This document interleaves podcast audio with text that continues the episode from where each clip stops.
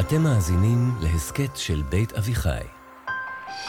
תחנות, פיקוד הדרום, נילחם בסמטאות, נילחם במנהרות. מעבר לתלם הגבול גואה ים של שנאה. אין זאת בקעת ליבי, שהניצחון איתנו. I have one word, don't. אנחנו מתחילים לשמוע המון ירי במרחב. כל מי שהגיע, זרקתי עליו נשק, וסט, לך להילחם.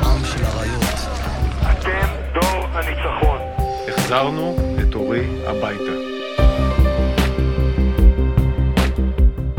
שלום, אני אפרת שפירא רוזנברג ואתן מאזינות ומאזינים למפלגת המחשבות.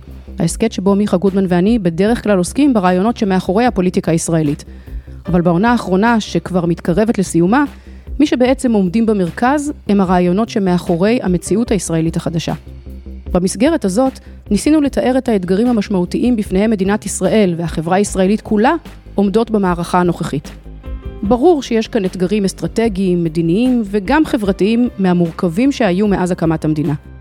אבל אחד הגדולים שבהם הוא דווקא האתגר הזהותי. זה שכדי לענות עליו צריך להחליף את השאלה. לא לשאול מה אנחנו צריכים לעשות, אלא לשאול מי אנחנו צריכים להיות. והשאלה הזו די מסובכת, כי הלאומיות הישראלית היא כזאת שמאוד קשה להבין, בין אם מסתכלים עליה ממערב ובין אם מסתכלים עליה מהמזרח התיכון. האמת היא שאפילו מתוך ישראל עצמה קשה לפעמים להבין אותה.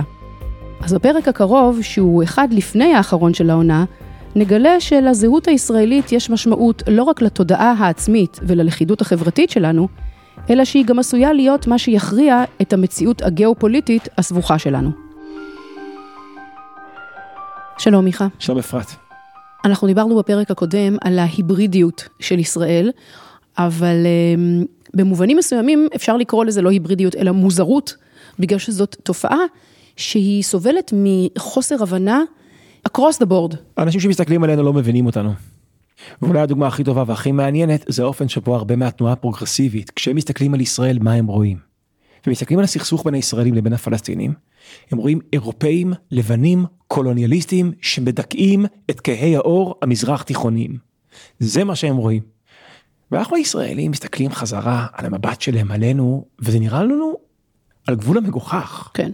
א', רוב הישראלים לא חווים את עצמם כקולוניאליסטים אירופאים במובן הזה שאירופה זה כמו קולוניה, יש לה מדינת אם באירופה, ואז הם כביכול שלוחים של אירופה מגיעים לאיזה מדינת עולם שלישי ו... כדי לשתות את המשאבים שלה. כן, שואבים... ולהביא אותם למדינת האם. רוב הישראלים לא חושבים שאירופה זאת המולדת שלהם. להפך, מי שמוצאו מאירופה, ברח מאירופה. אנחנו חווים את עצמנו כיתומים של אירופה וכקורבנות של אירופה ולא כשליחים של אירופה והבעיה השנייה שיש אם לצייר את ישראלים כלבנים אירופאים קולוניאליסטים. היא שרוב הישראלים הם לא אירופאים הם מזרח תיכוניים הם היגרו לכאן מכורדיסטן ומחלב וממצרים ומתוניסיה ומלוב וממרוקו אנחנו מזרח רוב הישראלים הם מזרח תיכוניים. זאת אומרת כל הניסיון לארגן את ישראל לבנים מול כהי עור, קולוניאליסטים אירופאים מזרח תיכונים, כל הניסיון הזה הוא, אנחנו מבינים למה הם עושים את זה.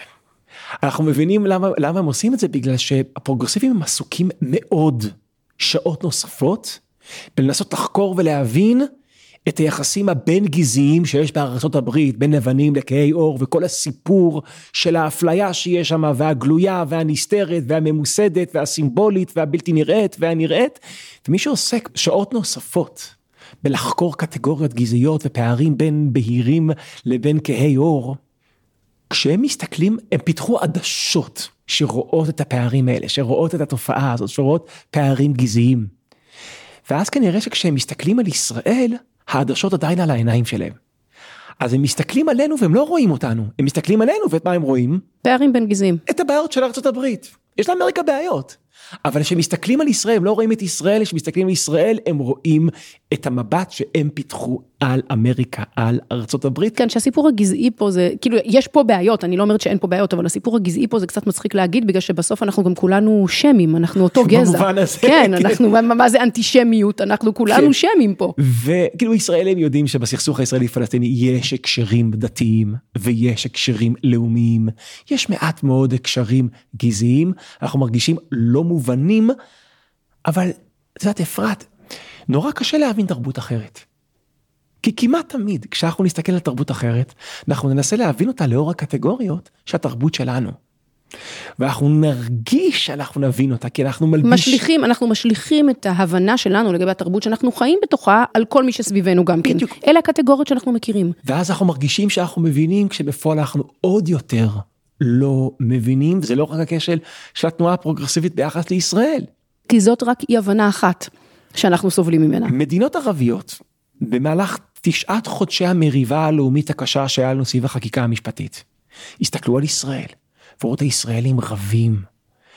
ישראל הראשונה נגד ישראל השנייה, ימנים נגד שמאלנים, כל המריבה, הם הסתכלו על זה, והם אמרו, היי, מדינת הלאום הישראלית על סף התפרקות לעדות, למגזרים, וגם כשהם עשו את זה, כשהם ראו שאנחנו על סף התפרקות, שהלאומיות שלנו תתפורר ומה שיישאר כאן זה כל מיני קבוצות פוליטיות או עדות, כשהם עשו את זה, הם הסתכלו עלינו ובעומק בעומק את מי הם ראו? את עצמם. את עצמם, כי זה הסיפור של מדינה כמו לבנון, ולוב, ועיראק, וסוריה, אלו מדינות שבהן הלאומיות היא מאוד מאוד חלשה. והזהויות הקמאיות יותר, כמו להיות שיעי או סוני, או עלאווי, או דרוזי, או נוצרי מרוני, או כורדי, אלו זהויות הרבה יותר קמאיות, וממילא יותר חזקות, מאשר להיות לבנוני, או סורי, או עיראקי. שאלה זהויות חדשות. כי באמת, מה הסיפור של המדינות האלה? באו קולוניאליסטים, באו אירופאים, אימפריות אירופ כמו הצרפתים והבריטים, וישבו על מפה, ומתחו קווים, ויצרו את לבנון, ויצרו את סוריה, ויצרו את עיראק. יצרו את כל המדינות האלה, מתחו קווים על מפה. אגב, אנחנו דיברנו לעומק יותר על הסוגיה הזאת ועל המהלך הזה שקרה בעונה 2, ובאופן ספציפי בפרק 39, ששם עסקנו בכל הסוגיה הזאת. אז יושבים אירופאים, ומה הם מצפים כשהם מותחים קווים ואומרים, אוקיי, כל האנשים כאן אתם חלק מאותה מדינת לאום, אבל אין לו תודעה לאומית. אולי הייתה ציפייה, כן, אבל יום אחד, עצם החיים ביחד, באותה מדינה, יגרום לכך שיהיה להם זהות לאומית משותפת שתדביק אותם יחד. כאילו תשימי מרונים, דרוזים, סונים, שיעים, בתוך אותה מדינה, עם דגל והמנון ו... ויום אחד הם יהיו לבנונים. אבל מכיוון שהזהות הלאומית היא מאוד מאוד מודרנית ומאוד מאוד מלאכותית, מה קורה כשקשה? כשהמדינה במשבר? כשלבנון נכנסה למשבר, היא פתאום פוף, התפרקה לעדות שיצרו אותה. שיעי לבנוני, מרגיש קודם שיעי ורק אז לבנוני. דרוזי לבנוני הוא קודם דרוזי ורק אז לבנוני. וכשיש משבר, הזהות המלאכותית מתפוגגת, והזהויות הקמאיות יותר, שיעים, סונים, עלאווים בסוריה, אלו הזהויות שהן הזהויות הדומיננטיות. וזה לא רק סיפור של סוריה ולבנון, זה בעצם סיפור של הרבה מאוד מדינות עיראק, במזרח התיכון. זה מה שקרה כן. בעיראק. האם הסונים והשיעים מרגישים עיראקים? אלו שאלות רציניות. אפשר לומר שהלאומיות במזרח התיכון, בהרבה מקרים זה לאומיות במסלול ההפוך. מה זה אומר במסלול ההפוך? אני, יכול להיות שדיברנו על זה בפרק שהזכרת בעונה 2. הרבה מדינות לאום אירופאיות התפתחו כך, קודם הייתה תודעה לאומית מאוד חזקה שנבעה מכך שקבוצה חיה באותה טריטוריה, דיברו באותה שפה, פיתחו אותה תרבות, היה להם תחושה שהם מחוברים אחד לשני, ומתוך זה נולדה מדינת הלאום. ואז הם דרשו מדינה. כן. עם יצר מדינה. זה אביב העמים באירופה. זה אביב העמים. כן. פה האירופאים ניסו לייצר לאומיות במסלול ההפוך, לא עם שיוצר מדינה, אלא מדינה שיוצרת עם. שיוצרת זהות לאומית. שיום אחד אנשים שחיים הרבה זמן בלבנון ירגישו שהם לפני הכל לא סונים אלא לבנונים, לא שיעים אלא לבנונים. וכשהם מסתכלים על ישראל, מה הם רואים? כמו שהפרוגרסיבים מסתכלים על ישראל ורואים את עצמם, מסתכלים על ישראל והם לא חושבים שיש פה לאומיות. בכלל במזרח התיכון רווח מאוד להכחיש את הלאומיות היהודית. היהדות זה דת, זה לא עם. וכל היהודים שיש כאן הם סתם אוסף של אנשים שהגיעו מכל מיני מקומות בעולם ואין להם סיפור משותף ואין להם עבר משותף ואין להם שום דבר אמיתי שמדביק אותם יחד חוץ מהמבנה המלאכותי הזה שיצרו האירופאים, המדינה, מדינת ישראל. וברגע שיהיה קשה, יקרה למדינת ישראל מה שקרה למדינת סוריה, או למדינת לבנון, או למדינת עיראק, או למדינת לוב, או... נכון, היא תתפרק לעדות שלה. כי הזהות הלאומית היא לא קמאית. אבל כולנו יודעים מה קרה כאן בשבעה באוקטובר. עד השבעה באוקטובר חשבנו שאנחנו ימנים ושמאלנים ותומכי רפורמה ומתנגדי הפיכה וישראל הראשונה וישראל השנייה. ואיך שהיה את המשבר, הזהות הלאומית לא התפרקה והותירה אותנו רק בשבטים פוליטיים משוסעים, מה שקרה זה הפוך. הזהויות הפוליטיות לרגע אחד נמחקו, וכולם היו ישראלים. כן, בגלל שפה, אם הגדרת קודם שבמזרח התיכון מה שקורה כשיש משבר זה שהמבנים הפוליטיים מתפרקים והזהויות הקמאיות מתגלות, אז אה, בעצם גם פה קרה אותו דבר. נכון. הזהויות הפוליטיות קרסו, והזהות הקמאית פרצה והתחזקה, רק שהזהות הקמאית שלנו היא הזהות הלאומית. והיא לא מפרקת אותנו לעדות, היא דווקא מחברת, מחברת את כל העדות. למשהו שהוא גדול מסך העדות וסך המפלגות וסך המגזרים. למרות שעד השבעה באוקטובר חשבנו שאולי זה... זה יגיע לזה ש... שהכל פה יתפרק וזה... ושאנשים יפנו אחד נגד השני. כן, לאומיות זה אנרגיה מאוד קמאית והיא גם בלתי נראית. בשבעה באוקטובר, חיבורים בלתי נראים מאוד מאוד חזקים שיש בינינו, נחשפו, פתאום ראינו אותם והרגשנו אותם. תחשבי על כל האנשים, הגיבורים באמת, שבשבעה באוקטובר רצו אל תוך האש. זה יכול להיות אנשים שנכנסו למתחם של המסיבה, נכנסו ויצאו, נכנסו ויצאו לפנות משם אנשים. זה יכול להיות גיבורים מכל מיני מקומות שלקחו נשק והלכו לתוך הקיבוצים ולתוך זירות הלחימה בשביל לחלץ כמה שיותר אנשים. ועד המילואימניקים שהתייצבו עם צו שמונה המיל... בהמוניהם נכון. כדי להילחם ולהגן על יישובי העוטף ועל הערים במרחב הזה שמסביב לזה, בלי, בלי לעשות את החישוב הזה. עכשיו אני אשאל אותך שאלה, שהתשובה אליה כל כך מובנת מאליה שאנחנו לא מעיזים לשאול את השאלה הזאת. האם למישהו מאלו שהגיע לחלץ, להציל אנשים בשדרות, בבארי, בכפר עזה, בשבעה באוקטובר, האם למישהו מהם חלף הרהור אחד במוח שלו או שלה? שהוא ילך לשדרות כי זה, זה השבט שלו, של ישראל השנייה? או שהוא ילך לבארי כי הם שמאל ליברלי וזה מה שאני? אנחנו יודעים שהערעור הזה לא חלף לשבריר שנייה בתודעה של אף אחד מהמחלצים. כי אצלנו כשקשה, לא ימין, לא שמאל, לא ישראל הראשונה, לא שנייה, אלא כולם ישראלים. אגב, ובהקשר הזה, גם בקרב הלוחמים וגם בקרב המחלצים, היו גם לא יהודים.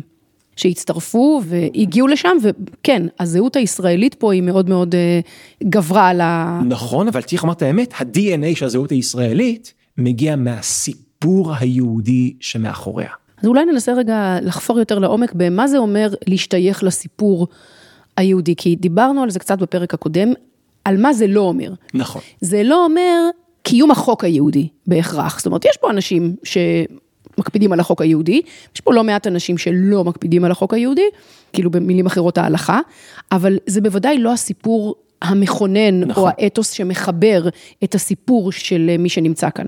כשאנחנו אומרים שאנחנו לא מובנים ידי הפרוגרסיביים, כי הם לא רואים את הלאומיות שיש כאן. ואנחנו רואים שיש כאן עניין של גזעים, ואנחנו לא מובנים על ידי הערבים הרבה מהם, כי מכחישים את הלאומיות שלנו. הלאומיות הזאת שלנו היא מבוססת על שיש בה יסודות יהודיים מאוד משמעותיים. אולי דרך טובה להיכנס לזה, זה דרך שאלה שיש במשנה. שאלה קדומה מאוד. גר, אדם שהצטרף ליהדות, הצטרף למועדון, עכשיו הוא נהיה חלק מהעם היהודי. ועכשיו צריך לקיים מצוות מקרא ביקורים. בימי בית ראשון ושני מביא את הביקורים לבית המקדש. בטקס הזה שבו מביאים את הביקורים יש איזה טקסט שצריך לקרוא אותו. וכחלק מהטקסט הוא צריך להגיד דבר כזה, באתי אל הארץ אשר נשבע השם לאבותינו לתת לנו. ואז יש שאלה במשנה, האם הגר אומר את הטקסט הזה?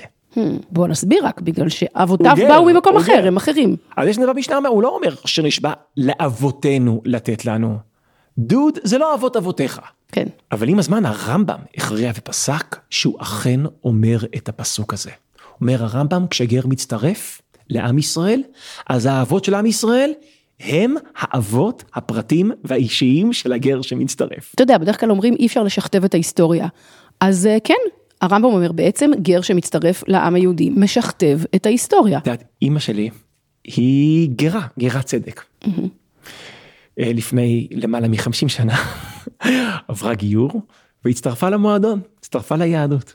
וכילד הייתי מאוד מאוד מודע לרקע הנוצרי של אמא שלי, כי סבתא שלי והדודים שלי וכל הנ... וזה תמיד נורא עניין אותי, שיגיע משם, מהנצרות אל היהדות, ו... כי עיקר אמא שלי מגיעה משפחה קתולית אדוקה באוקלהומה. והמשפחה שלהם חברים שלנו, סבתא שלי, והם אנשים מאוד נוצרים ומאוד דתיים. חלקם אפילו בעלי תפקידים בכנסיות כאלה ואחרות, נכון? וכמורה והכל זה, אצלנו הדוסים החרדים, אנחנו אומרים, הם מדת אחרת. הם מהנוצרים. ואימא שלי התגיירה, ואני זוכר כילד, שמעתי את אימא שלי מדברת עם חברות שלה, והיא אומרת משהו בסגנון הבא, היא אומרת, כשרדפו אותנו בימי הביניים, ורדפו אותנו במסעי הצלב, ורדפו אותנו באינקוויזיציה, ואני זוכר שניגשתי לאימא שלי, וזה עניין אותי שהיא מדברת, רדפו אותנו, ואני אומר, אמא, אבל אבות אבותייך לא רדפו באינקוויזיציה ובמסעי הצלב ובפרעות חמינצקי. כן, אתה... זה לא הסיפור שלך. אז היא אמרה, אני יהודייה ואותנו רדפו. וכשהיא אמרה את זה, שנים אני מהרהר בתשובה הזאת שלה. ואגב, היום כשהיא אומרת, כשהקמנו את המדינה ב-48 וניצחנו את מלחמת העצמאות, אמא שלי מדברת בגוף ראשון כי חווה את העבר היהודי בגוף ראשון, אפשר לומר, הרמב"ם צדק. מה זה אומר להיות גר? מה זה אומר להצטרף לעם? מה זה אומר להצטרף לקבוצה? אנחנו רגילים לחשוב שכשאתה מצטרף לעם, או נניח מצטרף לעם היהודי, אתה מקבל החלטה קשה כי אתה משנה את העתיד שלך. זה נכון, אתה משנה את העתיד שלך, אבל הלב הפועם של החוויה זה שאתה משנה את העבר שלך. להצטרף לעם היהודי, צריך מעכשיו העבר של העם היהודי נהיה העבר הפרטי שלך, וזה אפרת בעיניי ה-DNA של חוויה לאומית. זו החוויה הבאה.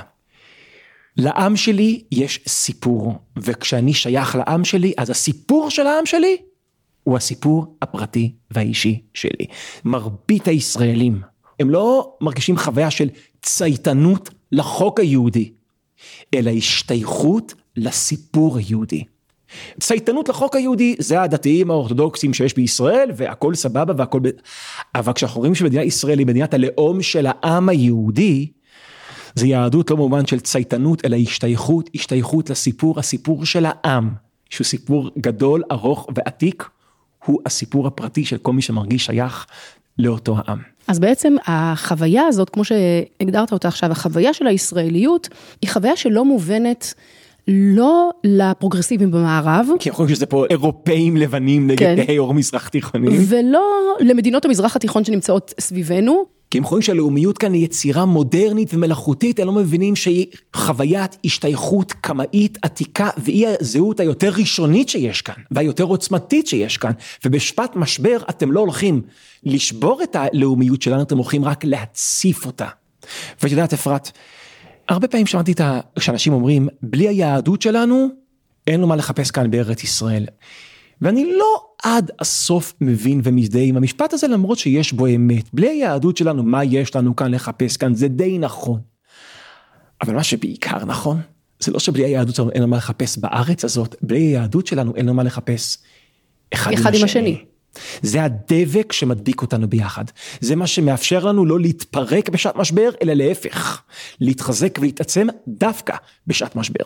אז זה עוד ניסוח של המרכיב היהודי בקיום ההיברידי שלנו כאן כישראלים. אבל בקיום ההיברידי הזה יש עוד פן. כן. על ציר היהודית-דמוקרטית שהגדרנו כבסיס לקיום ההיברידי הזה, יש את המרכיב הדמוקרטי או המערבי, שדיברנו עליו הרבה בפרקים הקודמים, בהיבטים של אה, מה שנותן לנו עוצמה ומה שנותן לנו את היכולת לנצח את האויבים שלנו, אבל יש לו גם משמעויות נוספות גיאופוליטיות. זאת אומרת... חזקות מאוד. כן, כמו שעכשיו לקיום היהודי יש משמעות במובן הרחב, הגיאופוליטי של המזרח התיכון ועל איך מסתכלים עלינו, גם לקיום הדמוקרטי המערבי שלנו יש משמעויות גיאופוליטיות. עם מי ישראל נלחמת היום? אז אפשר להגיד שאנחנו נלחמים בעיקר בחמאס ובחיזבאללה. אבל אנחנו יודעים שחמאס וחיזבאללה זה פשוט חלק מהתמנון האיראני הגדול. אבל גם התמנון האיראני הוא חלק מציר... מתמנון יותר גדול. כן, שיש בו רוסיה, שיש בו בעיקר סין, ויש פה באיזשהו מובן גם קצת צפון קוריאה, אז זה חמאס בתוך התמנון האיראני, שהוא בתוך הציר הרוסי-סיני. כשאנחנו חושבים על זה ומבינים את זה, אנחנו מבינים ש... האם אנחנו יכולים, כשזה אנחנו מול כל הציר הזה, אנחנו יכולים? ועל פניו לא, אני אגיד לך למה. בגלל שהביטחון הלאומי של ישראל, ישראל בנויה מבחינה כלכלית לנהל מלחמות בעצימות גבוהה לטווח קצר, או בעצימות נמוכה לטווח ארוך. אבל לישראל אין את המשאבים, לא בחימושים, אבל לא רק שאלה של חימושים, אלא את המשאבים הכלכליים לנהל מלחמה בעצימות גבוהה הרבה זמן. זה אין לה. מה יכול כן לתת את האוויר לנשימה הזאת של להילחם בעצימות גבוהה למשך הרבה זמן אם צריך? שזה המשמעות של להילחם כן. שאתה בעצמך חלק מציר, כי גם ישראל היא חלק מציר. וישראל היא חלק מציר שיש בו כמה מדינות אסייתיות, כמה מדינות לאום אירופאיות, אני מדגיש כאן גרמניה דרך אגב, אבל גם צרפת ואנגליה, אבל בעיקר, בראש הציר שאנחנו חלק ממנו נמצאת ארצות הברית של אמריקה. אם ישראל עומדת לבדה מול הציר החמאסי, איראני, סיני, אין לה מספיק משאבים לעמוד מול הציר הזה. אבל אם ישראל היא בעצמה לא רק עומדת מול ציר, אלא היא עצמה חלק מהציר המערבי, יש לה מספיק משאבים. כמו אוקראינה, אוקראינה לבדה לא יכולה לעמוד מול רוסיה. אבל כשהמערב מחמש אותה, יכולה להחזיק מעמד לאורך זמן מול העוצמה של מוסקבה. וממש כמו אוקראינה, גם ישראל יכולה להחזיק מעמד מול העוצמה המצטברת של רוסיה, סין ואיראן, רק אם יש לה את המשאבים של מדינות המערב ובראשם ארצות הברית. ומה מאפשר לישראל להיות חלק מהציר הזה? שמרבית אזרחי המערב מסתכלים על ישראל, ובאיזשהו מובן רואים את עצמם, רואים אנשים ערבים, רואים דמוקרטיה ליברלית, רואים אנשים אינדיבידואליסטים, ודת מרבית אנשי המערב בארצות הברית עדיין, עדיין, על אף כל התמונות הלא קלות שהם נחשפים אליהם, ואנחנו נחשפים אליהם פחות, אבל נחשפים אליהם יותר ב-CNN שמגיעות אליהם מעזה, עדיין מרבית האמריקאים מסתכלים עלינו ורואים את עצמם. וזה הצד החיובי, אפרת, שמסתכלים עלינו ורואים את עצמם. הם מסתכלים עלינו ורואים את עצמם כי הם רואים אנשים הערביים, הערכים הערביים, וכשמסתכלים עלינו והם רואים את עצמם, כשאנחנו מותקפים אז הם מרגישים קצת שכשאנחנו מותקפים, אז הם מותקפים. מרבית האנשים במערב עדיין מרגישים שאנחנו בעצם קו החזית שלהם. חזית קדמית. וחזית קדמית, ואם אה, ישברו אותנו, אז אה, יגיעו בסוף גם אליהם. בדיוק, ואם הם שמסתכלים עלינו, הם באיזשהו מובן רואים את עצמם, אז המשאבים שלהם הם המשאבים שלנו. אז זה לגיטימי שהמשאבים שלהם יושקעו בלחמש אותנו ובלחזק אותנו. כי הם חווים את זה שזה באיזשהו מובן לחזק אותם ואת עצמם. כן. מה היה קורה אם ישראל לא הייתה מדינה מערבית? לא היה לנו מוסדות מערביים, וערכים מערביים, ובאיזשהו מובן גם תרבות מערבית. מה היה קורה? העולם המערבי היה מסתכל עלינו, לא רואה את עצמו. רואים איזה מאבק פנימי במזרח התיכון, הם אה, לא כזה. מרגישים שכשאנחנו מותקפים הם מותקפים, ואז המשאבים שלהם הם לא המשאבים שלנו. איך אנחנו מתעסקים באיך הפרימיטיבים האלה במזרח התיכון מחלקים את הכוחות בינם לבין עצמם? בדיוק. שיהרגו אחד את השני ונאחל לכל הצדדים בהצלחה, נכון? פעם אמרו ככה אצלנו על אה, על איראן על איראן עיראק. על איראן עיראק, אז ככה הם מסתכלים. זאת אומרת, כשאנחנו חושבים על הזהות הכפולה שלנו, בזכות זה שאנחנו יהודים, אנחנו מחוברים אחד לשני. בזכות זה שאנחנו דמוקרטים, אנחנו מחוברים לציר המערבי. ההשתייכות הכפולה הזאת, היא זו שמאפשר לנו להחזיק מעמד במלחמה הארוכה הזאת. אם לא נהיה מחוברים אחד לשני, אנחנו נתפורר, אם לא נהיה מחוברים למערב, המשאבים שלנו יתאדו. לא נוכל לעמוד במלחמה בעצימות גבוהה לאורך זמן. זאת ההשתייכות הכפולה שלנו, המערבית היהודית שלנו, שמאפשרת לנו לשרוד את המלחמה הזאת, ואני מקווה שבקצה ובסוף גם לנצח את המלחמה הזאת, אבל מה שבטוח. תארי לך שהפנטזיה של חלק מהישראלים, שאנחנו נהיה רק מדינה מערבית, ומבחינת שאר הזהויות שאנחנו מדינה ניטרלית.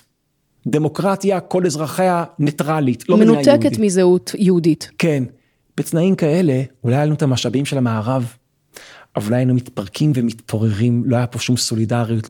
היינו עוד מדינה מזרח תיכונית שמתפוררת מבפנים. בשעת משבר. כן. ומה היה קורה עם הפנטזיה של האנשים שחושבים שהמערב זה מקום עם ערכים בעייתיים, זרים. זר, מתירניים, ליברליים? פוסט מודרניים. מה היה קורה אם בשם היהדות שלנו היינו מסתגרים מהמערב ומנקים מעצמנו את הערכים המערביים ואת המוסדות המערביים? במקרה כזה הציר המערבי היה מסתכל עלינו ולא מזהה את עצמו והמשאבים שלו לא היו נהיים המשאבים שלנו. והוא היה מתנער מאיתנו לא בעיקר. היינו חלק מציר ולא היה לנו את המשאבים של הציר, היה לנו רק את המשאבים שלנו, ואז מכיוון שאנחנו עומדים מול ציר שיש לו משאבים מתחדשים, שיהיה לנו בהצלחה. בפרק הקודם עסקנו מאוד בהיברידיות הזאת של יהודית ודמוקרטית ואיך היא נותנת לנו גם חוסן וגם עוצמה כחברה ישראלית לתפקד מול האויבים שלנו כאן. נכון. אבל אני חושבת שמה שראינו עכשיו זה שיש משמעות לזהות ההיברידית הזאת גם במובן הגיאופוליטי הרחב. נכון. במאבקים הגדולים יותר שמתנהלים מעל הראש שלנו. אנחנו לא נוכל לשרוד במרחב אם אנחנו לא נהיה מי שאנחנו, מדינה יהודית ודמוקרטית.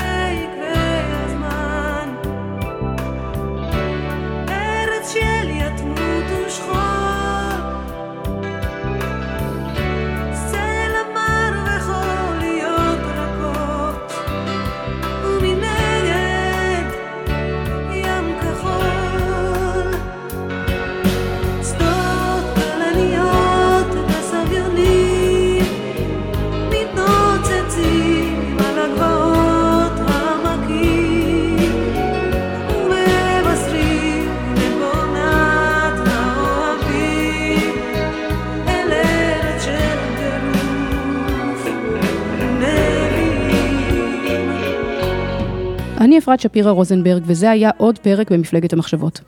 זהו, הפרק הבא יהיה הפרק האחרון בעונה הזאת, אליה התגייסנו בצו שמונה עצמי כשבוע אחרי שפרצה המלחמה, ושבה ניסינו להבין את הארץ טירוף ונביאים הזאת שבה אנחנו חיים ושאיתה קשרנו את גורלנו. תודה לניר לייסט ולאור שמיר האורחים, לאייל לויט ולשחר מונטלק על ההפקה, ולמתן חיים ולניבה גולדברג מצוות הדיגיטל. אפשר להשלים את כל העונות הקודמות של מפלגת המחשבות, וגם לשמוע תכנים נוספים, באתר בית אביחי ובכל יישומוני ההסכתים.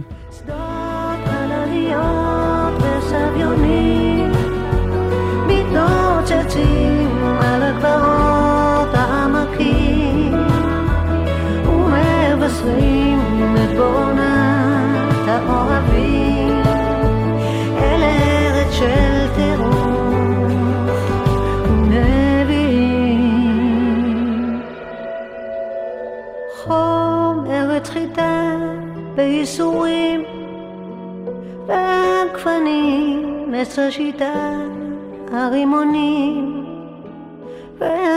וחוזרים מן הכאב והדמעות שולחים את היונים מן התיבות.